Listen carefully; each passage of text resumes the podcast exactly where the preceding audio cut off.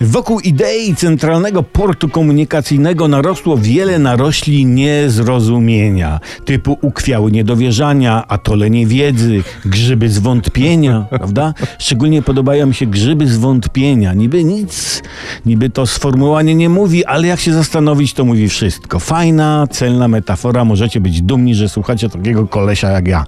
No ale odsuwamy się od tematu, a nie o to chodzi, żeby się odsuwać, ale walka toczy się o to, żeby się przysuwać.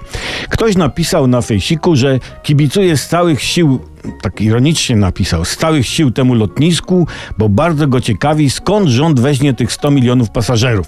No to już pewnie nie będzie rząd PiS, ale to, to, to nieistotne, bo tu nie chodzi o to, jakie kto ma poglądy, ale o te 100 milionów pasażerów rocznie. To się da zrobić. To, to się da zrobić. Dla narodu zdeterminowanego, otwartego na dialog z samym sobą i znającego mnóstwo treściwych i dosadnych synonimów tych słów, nic nie jest niemożliwe. Trzeba się po prostu skrzyknąć. Hej! Na przykład, tak, i zrobić te 100 milionów rocznie. Jest na to wiele sposobów. Dopłaty rządowe do biletów, program 100 milionów plus, prawda?